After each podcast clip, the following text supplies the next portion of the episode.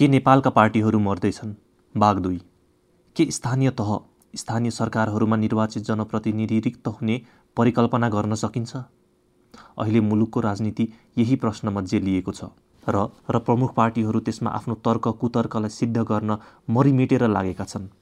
त्यसका लागि एकले अर्कालाई हिलो छ्याप्ने खुइल्याउने सबै हत्कण्डा प्रयोग गरिँदैछ। पुरा पन्ध्र वर्ष जनप्रतिनिधिविहीनतामा धकेलिएका तत्कालीन स्थानीय निकायको हविगत र त्यो हविगत गराउने कानुनी व्यवस्थाबाट पाठ सिकेरै संविधान सभाबाट दुई हजार बहत्तर सालमा संविधान बनाउँदा शक्तिशाली स्थानीय सरकारको परिकल्पना गरिएको थियो। संविधानको त्यो व्यवस्थालाई अझ प्रष्ट र मजबुत बनाउन एक वर्षपछि दुई हजार त्रिहत्तर सालमा स्थानीय तह निर्वाचन ऐन ल्याइयो। त्यही ऐनका आधारमा दुई हजार चौहत्तर सालमा स्थानीय तह निर्वाचन भयो र नागरिकले घर दैलोको सरकार चलाउने जनप्रतिनिधि पाए। भनिराख्नु पर्दैन नागरिकका घर दैलोका सरकार भनिने अहिलेका शक्तिशाली स्थानीय तहलाई यो वा त्यो नाममा जनप्रतिनिधिविहीन बनाउने परिकल्पना संविधानले गरेको थिएन छैन। त्यही भएर नै संविधानपछि ल्याइएको ऐनमा पदावधि सकिनुभन्दा दुई महिना पहिल्यै स्थानीय तहको निर्वाचन गर्ने व्यवस्था गरिएको हो। तर स्थानीय निर्वाचनलाई लिएर प्रमुख पार्टीहरू यतिखेर जे जस्तो रमिता गरिरहेछन् त्यसले उनीहरूको अवस्था र हविगत उदाङ्गो पारेको छ। सबभन्दा ठुलो विडम्बना त के भने वर्तमान सत्ता गठबन्धन आफ्नो निहित स्वार्थ र संसदीय निर्वाचन सम्भवित परिणामको जोड घटाउलाई लिएर स्थानीय तहहरूलाई फेरि जनप्रतिनिधिविहीन बनाउने र आफ्नो प्रतिनिधि चुन्ने नागरिकको अधिकारमा धावा बोलेर स्थानीय निर्वाचन पछि धकेल्ने प्रपञ्चमा खुलेआम लागेको छ। संविधानसँग बाझिएको भन्दै स्थानीय तह निर्वाचन ऐन संशोधन गर्ने तरताम्य निर्वाचन पन्छ्याउने प्रपञ्च सिवाय केही होइन। यो प्रपञ्च मूलत नेकपा माओवादी केन्द्रका अध्यक्ष पुष्पकमल दाहाल प्रचण्डको डिजाइन र नेकपा एकीकृत समाजवादीका अध्यक्ष माधव कुमार नेपालको इच्छामा भइरहेको भन्ने चर्चा र बाहिर त्यस्तै खालका न्यारेटिभ निर्माण गर्ने प्रयत्न भइरहे पनि यो अवस्थाका प्रमुख दोषी देउबा हुन्। त्यो किन पनि हो भने ओली र देउबाले चाहँदा अहिले निर्वाचन रोक्ने तागत कोहीसँग छैन। प्रचण्ड र माधव नेपालसँग त झन् छँदै छैन। दोस्रो संविधान सभा अवधिमा एउटा फरक एजेन्डा बेला बेला छलफलमा ल्याइन्थ्यो। मूलत काङ्ग्रेस निकट मानिने केही बौद्धिकहरूले ग्रान्ड अलायन्स भनेर त्यो एजेन्डा अगाडि सार्ने गर्थे। त्यसको मजबुन थियो एमाले र काङ्ग्रेसलाई मिलाएर सत्ता गठबन्धन बनाउने। पहिलो र दोस्रो पार्टी मिलेपछि अरू कसैको केही जोर चल्दैन भन्ने उनीहरूको निर्क्योल थियो। अहिले पनि एकाथरीले त्यो प्रयत्न गरिरहेका छन्। देउबाकै भित्रियाहरूले बेला बेला चुहाउने सूचनामा निर्वाचनका लागि एमाले अध्यक्ष केपी शर्मा ओली र प्रधानमन्त्री एवं काङ्ग्रेस सभापति देउबा मिल्न सक्ने त्यो अवस्थामा वर्तमान सत्ता गठबन्धन पनि कायम नरहने कुरा उल्लेख गरिएका हुन्छन्। त्यो हैसियतमा रहेका देउबा गठबन्धनका कमजोर घटकहरूले नचाहँदैमा अघि बढ्न नसकेका होलान् भन्ने आकलन गर्नु उचित हुँदैन। यथार्थ त यो हो कि देउबा आफूलाई हुने सम्भावित लाभ हानिको हिसाब गरेरै यो सब गरिरहेका छन् जुन उनकै निकटस्थहरूबाट पनि बेला बखत प्रकट हुँदै आएको छ। यसबारे केही चर्चा गरिनेछ। नागरिकको घर दैलोको सरकारलाई हमेसा जीवित र पूर्ण चलायमान राख्ने सवालमा पार्टीहरूबीच मतभेद नै नहुनुपर्ने हो। यसमा एक खालको आम राजनीतिक सहमति देखिनुपर्ने हो। विडम्बना। पार्टीहरूले स्थानीय तह निर्वाचनलाई नै आफ्नो स्वार्थको रोटी सेक्ने खिचातानीको विषय बनाएका छन्। यो बेला विपक्षीले जे भने पनि सत्तापक्ष समयमै निर्वाचनका पक्षमा देखिनुपर्ने हो। लाज मर्दो त के भने प्रतिपक्ष निर्वाचन मागिरहेछ। सत्तापक्ष त्यसलाई पन्छ्याउने तानाबाना बुनिरहेछ। निरन्तर।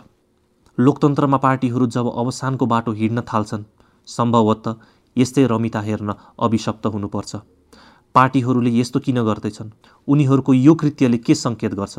संविधानवादको वकालत गरिरहने राजनीतिक विश्लेषक निलाम्बर आचार्यसँग मैले यसबारे बुझ्ने प्रयास गरेँ।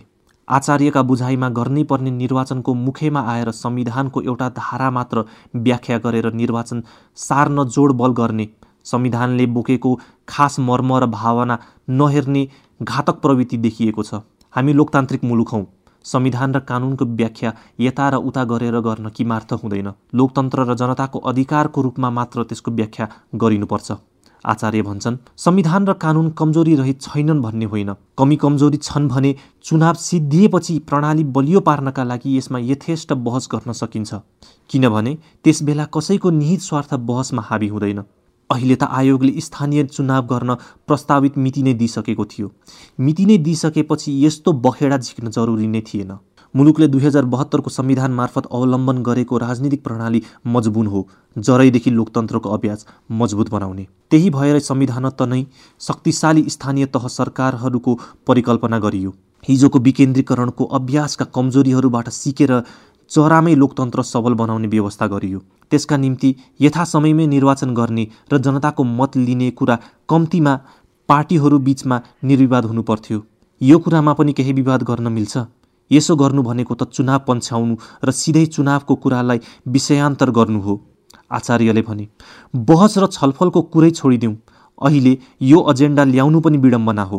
अहिले यो एजेन्डा ल्याउने नै होइन सिधै स्थानीय निर्वाचन गर्ने हो। आचार्यको भनाइको सार हो स्थानीय निर्वाचन टार्न खोजेका पार्टीहरूले नागरिकको अधिकार र लोकतन्त्र हेर्नै चाहेनन्। हेरेका छन् त केवल आफ्नो निहित स्वार्थ मात्र। उनीहरूले संविधान र कानुनको मर्म पनि हेरेनन्। आफ्नो लाभ हानि हिसाब गरेर त्यसलाई नै तोड्न रुझान देखाए। नागरिकको अधिकार र लोकतन्त्रको प्रवाह नगर्ने संविधान र कानुनको मर्मभन्दा आफ्नो निहित स्वार्थ माथि राख्ने पार्टीहरूको रुझानले उनीहरूको अवसानतर्फको यात्रा सङ्केत गर्छ। अधिवक्ता ओम प्रकाश अरियालको भनाइले यसलाई बुझ्न थप सघाउँछ। अरियालको भनाइमा स्थानीय निर्वाचनलाई लिएर संविधान र कानुनमा त्यस्तो समस्या केही छँदै छैन। कार्यकाल सकिनुभन्दा दुई महिना अघि मतदान र मतगणना अनि कार्यकाल सकिएको भोलिपल्ट निर्वाचित भएको घोषणा र निर्वाचन सम्पन्न गर्दा सबैले ठिक पाँच वर्ष कार्यकाल पुरा गर्न पाउने र स्थानीय तह एक दिन खाली पनि नरहने उनको व्याख्या छ। हाम्रो संविधान र कानुनमा भएको व्यवस्थाको समग्रतामा यही अर्थ निस्किन्छ अर्यालले भने। कार्यकाल सकिएको छ महिनाभित्र निर्वाचन सम्पन्न गर्ने र कार्यकाल सकिएको भोलिपल्ट निर्वाचित भएको मानिनेलाई सँगै राखेर पढौँ चाँडै घैँटोमा घाम लाग्नेछ। यति सुस्पष्ट व्यवस्थाको गलत व्याख्या गरेर भ्रममा नपरौँ। मतदान मतगणना र निर्वाचित भएको घोषणा भएपछि बल्ल निर्वाचन सम्पन्न हुन्छ। स्थानीय तहको मतदान तथा मतगणना कार्यकाल सकिनु अघि गर्नु र निर्वाचित भएको घोषणा कार्यकाल सकिएको भोलिपल्ट गर्नु सर्वथा संविधान सम्मत छ। यस्तो विषयमा कुतर्क गरेर राजनीतिक वा बौद्धिक प्रदूषण नफैलाऊ संस्थाहरूमा भाँड भैलोपछि तारोमा लोकतन्त्र। प्रमुख पार्टीहरूले केही समय अघि मात्र आफ्नो जीवनमा सर्वाधिक महत्त्व राख्ने राष्ट्रिय महाधिवेशन सम्पन्न गरे। तर उदेक लाग्दो के भने कुनै पनि पार्टीले महाधिवेशनमा आफ्नो जीवनमा सबैभन्दा ठुलो अर्थ राख्ने नीति र विचारमा बहस गरेनन्। नेकपा एमाले नेपाली काङ्ग्रेस र नेकपा माओवादी केन्द्रका महाधिवेशन नै मात्र नेतृत्व चयनका लागि बोलाइएका थिए। काङ्ग्रेसले नेतृत्व चयनमा लोकतान्त्रिक अभ्यास त अवलम्बन गर्यो। भलै त्यसमा लाभको पदको सौदाबाजी नै अन्तत निर्णायक बनेको किन नहोस्? तर एमाले र माओवादीका महाधिवेशनमा त पार्टीभित्रको लोकतान्त्रिक अभ्यास नै अपहरित भयो। एमाले अध्यक्ष केपी ओलीको खल्तीबाट निस्केको सूची अनुमोदन गर्न बाध्यताले निर्वाचनको कर्मकाण्ड गर्यो। माओवादीमा त त्यही पनि भएन। अध्यक्ष प्रचण्डले खल्तीबाट निकालेको सूची नै सर्वसम्मत अनुमोदन भयो। मुलुकका प्रमुख तीन पार्टीका पछिल्ला महाधिवेशन पार्टीहरूमा विचार र लोकतान्त्रिक अभ्यास नै मर्दै गएको तस्विर देखाउने ऐना बनेको टिप्पणी भइरहेको छ। एक हिसाबले भन्दा त्यो त बरु पार्टीहरूको आन्तरिक मामिला थियो। अहिले स्थानीय निर्वाचनलाई लिएर प्रमुख पार्टीहरू र त्यसमा पनि मूलत सत्ता गठबन्धनका घटकहरूबाट जे जस्तो दृश्य मञ्चन भइरहेछ। त्यसले नागरिकले आफ्ना लागि आफ्ना प्रतिनिधि छान्ने लोकतन्त्रको आधारभूत अभ्यासलाई नै अवरुद्ध गर्न खोजिरहेछ। अझ ठुलो विडम्बना त के भने दुई दुईपल्ट असंवैधानिक कदम मार्फत संसद विघटन गरेर संविधान सभाबाट निर्मित संविधानमाथि क्षति पुर्याउन सुरु गरेका एमाले अध्यक्ष केपी शर्मा ओली नै यति बेला संविधानको प्रखर संरक्षक बनेर देखा परेका छन्। संसद मास्ने आफ्नो तत्कालीन कदमलाई जायज ठहर्याउनकै निम्ति अर्ली इलेक्सन मागिरहेका ओली नै अहिले स्थानीय तह निर्वाचन समयमै गर्नुपर्ने प्रखर पक्षधर देखिनु अर्को आश्चर्य हो। जबकि अहिलेको अवस्थाको प्रस्थान बिन्दु नै ओलीको त्यही संसद विघटन थियो। एमाले यति बेला पानीमाथि ओभानो देखिने प्रयास गरिरहेछ। तर यो अवस्थाको प्रस्थान बिन्दु ओलीको त्यही संसद विघटन थियो। ओलीको त्यही दुस्साहसले उनी स्वयंलाई प्रधानमन्त्रीबाट पदमुक्त गरेर देउबालाई त्यो कुर्सीमा विराजमान गराएको हो। ओलीको त्यही दुस्साहस थियो जसले स्थिरतातर्फ लम्किरहेको राजनीतिलाई अस्थिरताको दलदलमा धकेलेको थियो। ओलीको त्यही दुस्साहस जसले आफ्नै पार्टीका सहयात्रीहरू प्रचण्ड र माधव नेपाललाई कट्टर दुश्मन जस्तै कित्तामा धकेल्यो। आज प्रचण्ड र माधव नेपाल स्वयं पनि समयमा निर्वाचन हुने प्रक्रियाका विरोधीका रूपमा चित्रित भइरहेछन्। यो परिस्थितिको विकास पनि ओलीको संसद विघटन गर्ने त्यही दुस्साहसबाट सुरु भएको थियो।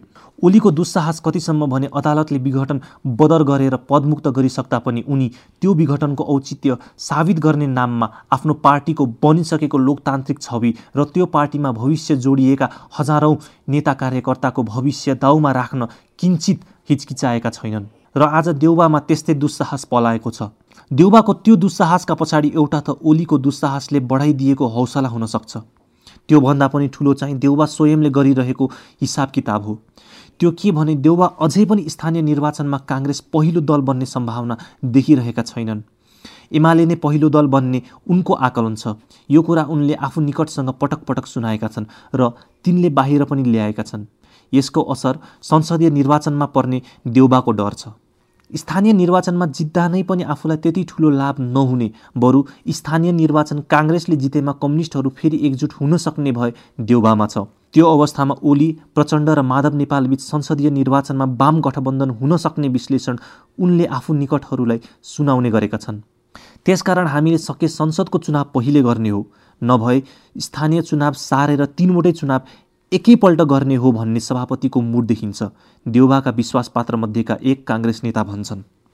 देउबा आफै पनि दुस्साहसको अर्को नाम हो। स्थानीय निर्वाचनका सवालमा त उनको दुस्साहसको ट्र्याक रेकर्ड नै राम्रो छैन। पछिल्लो पटक भने उनी ओलीको दुस्साहसको पनि सिको गरिरहेछन्। यसका उदाहरण अनेक छन्।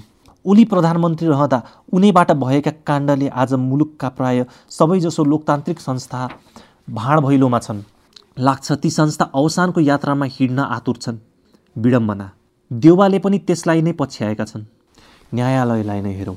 मुलुकको सर्वोच्च न्यायालय तिन महिनाभन्दा लामो समयदेखि न्यायाधीशहरूबाटै प्रधान न्यायाधीश बहिष्कृत बनेको र न्यायपालिकाको एक प्रमुख पक्ष नेपाल बार एसोसिएसनले प्रधान न्यायाधीशकै बहिर्गमन मागसहित निरन्तर गरिरहेको आन्दोलनको साक्षी बनेर बसेको छ।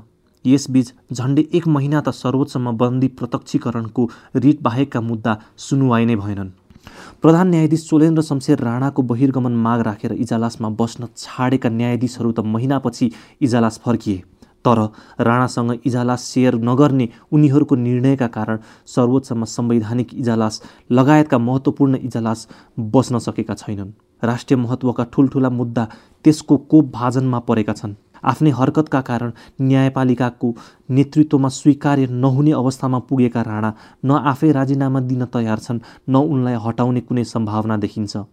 कुनै चक्रव्यूहमा परे चाहिँ प्रतीत हुने न्यायालयको अहिलेको अवस्था मूलत पार्टीहरूको अकर्मण्यताले निम्त्याएको हो जो न्यायालयको यस्तो दुर्भाग्यपूर्ण अवस्थाप्रति बिल्कुल चिन्तित देखिँदैनन्।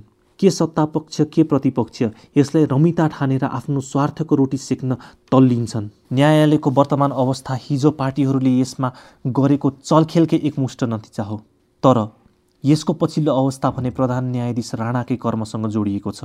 न्यायपालिकाको नेतृत्व न्यायपालिकाको नेतृत्वमा रहेर पनि संवैधानिक परिषद मार्फत हुने नियुक्तिमा भाग खोज्न थालेका राणा अन्तत मन्त्री परिषदमा समेत भाग लिने स्थितिमा पुगे।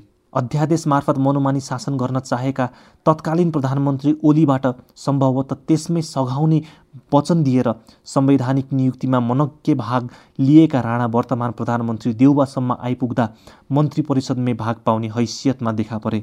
देउबाले गरेको मन्त्री परिषद विस्तारमा जेठान गजेन्द्र हमाललाई उद्योग मन्त्री नियुक्त गर्न सक्नु उनको त्यही सफलता थियो तर त्यही नै न्यायपालिकाभित्र उनको सङ्कटको प्रस्थान बिन्दु बनिदियो।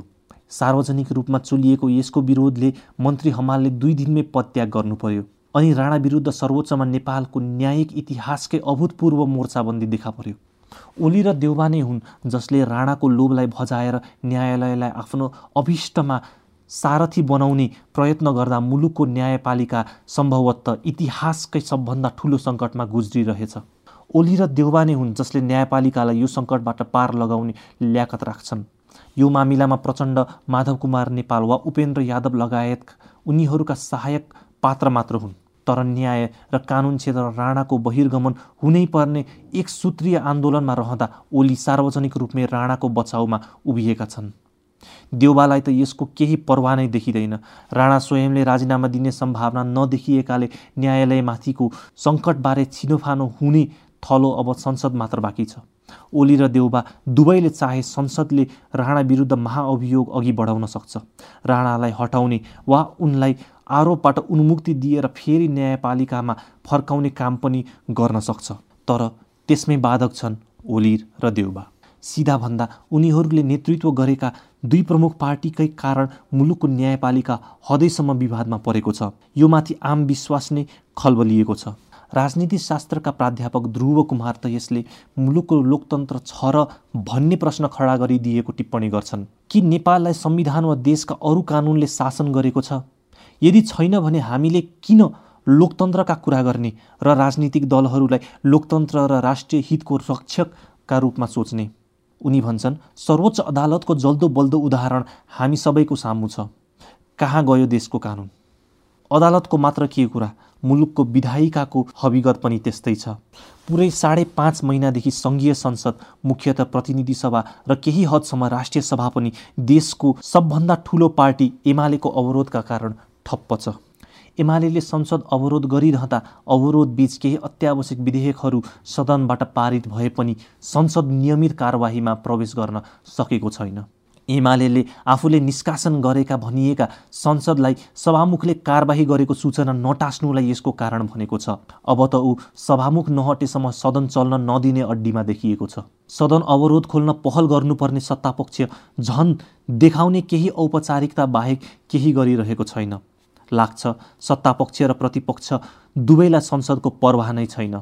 सिङ्गो देश कोरोना महामारी र त्यसले सिर्जना गरेका अनेकौँ असरबाट आक्रान्त रहँदा संसदमा त्यसबारे छलफलसम्म नहुनु राष्ट्रिय महत्त्वका अरू कैयौँ मुद्दामा संसदमा बहस बन्देज हुनु जनजीविकासँग जोडिएका र अरू कैयौँ महत्त्वपूर्ण कानुन बन्ने प्रक्रिया नै अवरुद्ध भइरहनु स्वयं संसदीय व्यवस्थाकै लागि राम्रो सङ्केत होइन। पार्टीहरूको यो हरकतले प्रश्न उब्ज्याएको छ।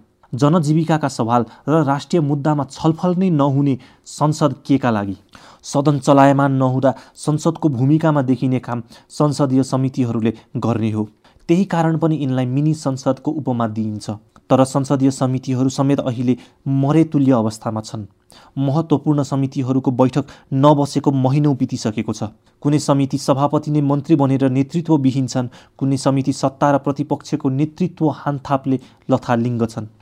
संवैधानिक निकायहरू हेरौँ सबतिर बर्बादी छ। संवैधानिक निकायहरूको हविगत यस्तो छ कि तिनको निष्पक्षतामा विश्वास नै हुन छाडेको छ।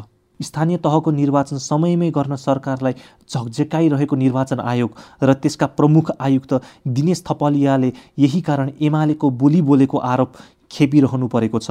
अर्को महत्त्वपूर्ण र शक्तिशाली संवैधानिक अङ्ग अख्तियार दुरुपयोग अनुसन्धान आयोगले नीतिगत भ्रष्टाचार वा दलका कार्यकर्ता मुछिएका कुनै अनियमिततामा हात हाल्न खोज्यो कि त्यो सब ओलीकै निर्देशनमा गर्न थालेको आरोप लागिहाल्छ।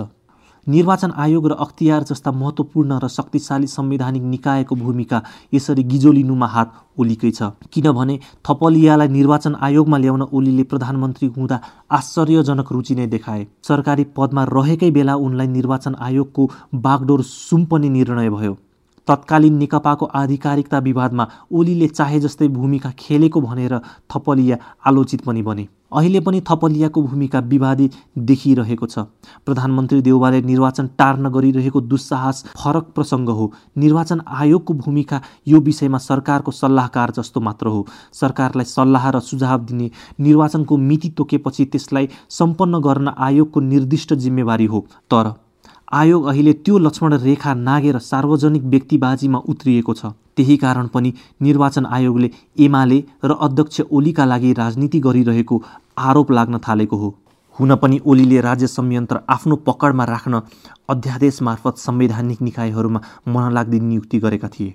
अख्तियार प्रमुख प्रेमकुमार राईले अध्यादेशबाटै त्यो जिम्मेवारी प्राप्त गरेका हुन्। राई तिनै व्यक्ति हुन् जो गृह सचिव हुँदा र त्यहाँबाट अवकाश पाइसकेपछि पनि ओलीको किचन क्याबिनेटमा बसेर गृह प्रशासन र सुरक्षा निकायमा भाँड भैलो मच्याएका भनेर आलोचित छन्। ओलीसँग उनको सम्बन्ध यस्तोसम्म रह्यो कि अब उनले जति पनि निष्पक्ष काम गर्न खोजे पनि त्यसमा ओली जोडिहाल्छन्। ओलीको कार्यकालमा अध्यादेशका आडमा संवैधानिक निकायहरूलाई हदैसम्म गिजोलिदाको नतिजा हो यो। प्रश्न उठ्छ। न्यायालयदेखि संसद हुँदै संवैधानिक निकायसम्म विस्तार भएको यो भद्रगोल र भाँड भैलोले लोकतन्त्रका संस्थाहरू कसरी जोगिएलान्? अब नागरिकले प्रत्यक्ष मताधिकार प्रयोग गर्ने निर्वाचनलाई नै भाँड भैलोको साधन बनाउने हो भने लोकतन्त्रको जरा कसरी मजबुत होला? यो सबैको एकमुष्ट निचोड के हो भने यति बेला पार्टीहरू नै जताततै समस्या सिर्जना गर्ने बढाउने र बल्झाइरहने खलपात्र जस्तै भूमिकामा देखा परेका छन्। यस्तो छवि स्वयंले बदल्ने सङ्केत भने पार्टीहरूका व्यवहारमा तत्काल कतै देखिँदैन। पार्टीहरूको मनपरीलाई लोकतन्त्र मान्नुपर्ने विडम्बना। कोरोना महामारीको यो कहरमा सरकारले नागरिकलाई सार्वजनिक सेवा प्राप्त गर्न र जहाज चढ्न पनि कोरोना विरुद्धको खोप लगाएको कार्ड अनिवार्य गरेको छ। सडकमा नागरिकलाई जोर बिजोर नम्बरको शास्ति थोपारिएको छ। सङ्क्रामक रोग निवारण ऐन अनुसार भन्दै कारवाहीको उर्दी जारी गरेर अरू कैयौँ निषेध र प्रतिबन्धका आदेश जारी गरिएको छ। तर नेता भने सङ्क्रमित भएको चार दिनमै सार्वजनिक कार्यक्रममा पुगिरहँदा पनि निषेध र प्रतिबन्धका आदेश आकर्षित हुँदैनन्। खोप कार्ड अनिवार्य गर्नुको अर्थ हो खोप नलगाएका नागरिकले त्यही सेवा पाउँदैनन्। नागरिक बिचमा यो विभेद नै आपत्तिजनक छ। यसलाई त्यसबेला मात्र उचित मान्न सकिन्थ्यो जब सरकारले शत प्रतिशत नागरिकलाई कोरोना विरुद्धको खोप दिइसकेको हुन्थ्यो। अहिलेसम्म आधा जनसङ्ख्याले पनि खोप पाएको छैन। बरु यसबीच सरकारी संयन्त्र आफैसँग रहेको चौबिस लाख खोपको हिसाब नभेटिएको लाचारी सुनाइरहेछ। आम नागरिकले पहिलो डोज खोप्नै नपाइरहेका बेला पहुँचवालाका निम्ति बुस्टर डोजका रूपमा प्रक्रिया नै सुरु नहुँदै अनियमित तवरले खोप बाँडिनु अनि हिसाब नभेटिएको लाचारी पोखिनु सरकार प्रतिपक्ष कसैका निम्ति चासोको विषय बनेन। नागरिकमाथि भएको यस्तो अपराधबारे जब पार्टीहरू बोल्न छाड्छन् त्यहाँ जनताका लागि गरिने भनिएको राजनीतिको अवसान नै हुने हो। खोप प्रकरण त पछिल्लो दृष्टान्त मात्र हो। मुलुक अहिले यस्ता काण्डे काण्डको साक्षी बन्न अभिशप्त छ तर यहाँ जे काण्ड गरे पनि दण्डनीय छैन। अरू त अरू बहाल बाला मन्त्रीले सामूहिक नरसंहार दोहोऱ्याउने खुलेआम धम्की दिइरहँदा प्रधानमन्त्री र उनको आफ्नै दलले उनलाई स्पष्टीकरण सोध्नेसम्म हैसियत राख्दैनन्। यसलाई थप प्रस्ट्याउने गरी केही दिन अघि नेपाल प्रहरीका पूर्व डिआइजी हेमन्त मल्ल ठकुरीले कवितात्मक शैलीमा लेखे को हुन् यी नेपाल आमालाई दुःख दिनेहरू? कसले पठाए? कुन दुलोबाट आए? यी लुटेराहरूका टोली। धरती लुटेका छन् आकाश लुटेका छन् बाँकी केही छैन। यिनले नलुटेका नकुटेका। राजनीति शास्त्रका प्राध्यापक ध्रुव कुमारको विश्लेषणमा यो अवस्था राजनीतिक पार्टीहरू जनता र मुलुकका निम्ति असान्दर्भिक बन्दै गएको देखाउने तस्विर हो। शास्त्रीय रूपमा पार्टीहरू असान्दर्भिक हुँदा त्यसको प्रत्यक्ष असरका रूपमा लोकतन्त्रको क्षयीकरण हुने उनको बुझाइ छ। अहिले यो विश्वव्यापी यथार्थ नै बनेको छ। लोक रिझ्याइसहित चरम दक्षिणपन्थी वा उग्र राष्ट्रवादी प्रवृत्तिले राजनीतिक प्रणालीसँगकै विश्वास खड्दो छ। उनी भन्छन् हामी राजनीतिक पार्टी बिनाको बहुलवादी लोकतन्त्रको त कल्पना गर्न सक्दैनौँ। तर जब पार्टीहरू नै लोकतन्त्र भत्काउने औजार बन्छन् जनता विकल्प सोच्न बाध्य हुन्छन्। यसबारेमा अहिले यथेष्ट ध्यान दिइएको छैन। नेपालमा समाजका हरेक अवयवसम्म पार्टीहरूका दारा नङ्ग्रा गाडिसकेकाले अहिले पार्टीहरूको विकल्प तयार हुने अवस्था बन्छ या बन्दैन भन्ने अर्को प्रश्न हो। उनीहरूको विकल्पमा परिवर्तन विरोधी वा अरू कुनै शक्ति इमर्ज हुन सक्छन् या सक्दैनन् भन्ने पनि फरक प्रसङ्ग हुन सक्ला। तर नागरिकले पार्टीहरूसँग असहमति राखेर नाता तोड्ने हैसियत राख्छन्। संसारका कैयौँ मुलुकमा राज्य र जनताबीच अझ पार्टीहरू र जनता बीचको सम्बन्ध र विश्वास टाढिँदा लोकतन्त्रको सुनौलो उमेर र अवधारणा औचित्यहीन बनेको प्राध्यापक ध्रुव कुमारको ठम्याइ छ। हाम्रो विगत बत्तिस वर्षको अनुभवले पनि नेपालमा लोकतान्त्रिक सरकारहरू नेतृत्व र एउटा घेराको स्वार्थमा काम गर्न सीमित रहेको देखिएको छ। यतिसम्म कि आफैले नेतृत्व गरेको राजनीतिक दलको कुरा पनि सुन्दैनन्। उनी भन्छन् जब देशलाई संविधान वा कानुनले शासन गरिरहेको छैन भने हामीले किन लोकतन्त्रको कुरा गर्ने र राजनीतिक दलहरूलाई लोकतन्त्रका रक्षकका रूपमा सोच्ने? अवस्था यस्तो बनिसकेको छ कि लोकतन्त्र पार्टीहरूको कथनीमा मात्र छ व्यवहारमा त्यो प्रतिबिम्बित हुन छाडिसकेको छ। दुःखका साथ भन्नुपर्ने बेला आएको छ। लोकतन्त्रलाई नागरिकको जीवनसँग जोड्न पार्टीहरू क्रमशः असफल हुँदै गएका छन्। अझ भनौँ लोकतन्त्रलाई नागरिकको जीवनसँग जोड्नु उनीहरूको लक्ष्यमा पर्न छाडेको छ। माने पनि नमाने पनि निर्वाचनलाई नै समग्र लोकतन्त्र मान्नुपर्ने अवस्था आएको छ। अनि भोटका लागि मतदानमा पैसा खन्याउनेहरू नै राजनीतिक पार्टीको नेताका रूपमा निर्वाचित भइरहेका छन्। निर्वाचन पश्चात आफैले मस्यौदा बनाउने र पारित गर्ने कानुनहरू मिच्दै नेताहरू रातारात अथाह धन थुपार्छन्। के हामीले यसलाई नै लोकतन्त्र वा लोकतान्त्रिक प्रक्रिया भन्ने हो? प्राध्यापक ध्रुव कुमारको प्रश्न छ। हामी अब कुनै भ्रममा बस्नु हुँदैन। पहिला नै गनाइसकेका राजनीतिक दलको अनुपस्थितिमा अरू के पो हुन सक्ला र? लोकतन्त्र भनेकै निर्वाचन र पार्टीको लक्ष्य भनेकै निर्वाचनसम्म भन्ने न्यारेटिभ बन्दै गरेको नेपालको राजनीतिमा तत्कालै अहिलेका पार्टीहरूको अवसान भइहाल्छ र अर्को राजनीतिक शक्ति उदय हुन्छ भन्ने आकलन गरिहाल्नु भने हतारो हुनेछ। त्यसको कारण के हो भने हिजो पाखा लागेका परम्परागत शक्तिदेखि नयाँ भनिएका शक्तिहरू न जनतामाझ कुनै आशा लाग्दो छवि बनेको छ न तिनले नै आफूले विकल्पको रूपमा उभ्याउने ल्याकत राख्छन्। त्यसमाथि समाजका सबै अवयवमा अहिलेका पार्टीले यतिसम्म दारा नङ्ग्रा गाडिसकेका छन् कि निर्वाचन जित्ने प्रयोजनका लागि तिनको शक्ति तत्कालै क्षय भइहाल्ने छैन। अब त उनीहरूले त्यो थ्रेड देख्दा निर्वाचन नै पन्छ्याउने बाटो पनि अङ्गीकार गरिसके। के यसो भन्दैमा लामो समय यिनै पार्टी निर्विकल्प रहिरहन्छन् त? बिबिसीमा आठ जुन दुई हजार एक्काइसमा प्रकाशित आफ्नो लेखमा क्याथरिन एलिसनले दिएको निचोडले यसको धेरथोर उत्तर दिनेछ। कतिपय युरोपेली मुलुकले पार्टीले हाँक्ने लोकतन्त्रको विकल्पमा अभ्यास सुरु गरिसकेका छन् जस्तो कि सन् दुई हजार उन्नाइस बिसमा फ्रान्सले एक सय पचासजना नागरिक छनौट गरेर जलवायु परिवर्तनबारे सिटिजन्स कन्भेन्सन आयोजना गर्यो। अर्को वर्ष दुई हजार बिसमा फ्रेन्च राष्ट्रपतिले कन्भेन्सनको राय बमोजिम संविधानमै जलवायु संरक्षणको व्यवस्था थप्न जनमत सङ्ग्रह गर्ने सहमति जनाए। पुलिजर पुरस्कार विजेता एलिसन लेख्छिन् दुई हजार सोह्रमा आइरिस पार्लियामेन्टले गर्भपतनलाई संविधानमै प्रतिबन्ध लगाउने लगायत मुद्दामा पुनर्विचार गर्नका लागि उनान्सयजना नागरिकलाई एकत्रित गरेको थियो। एक हिसाबले त्यो विधानसभा जस्तै थियो।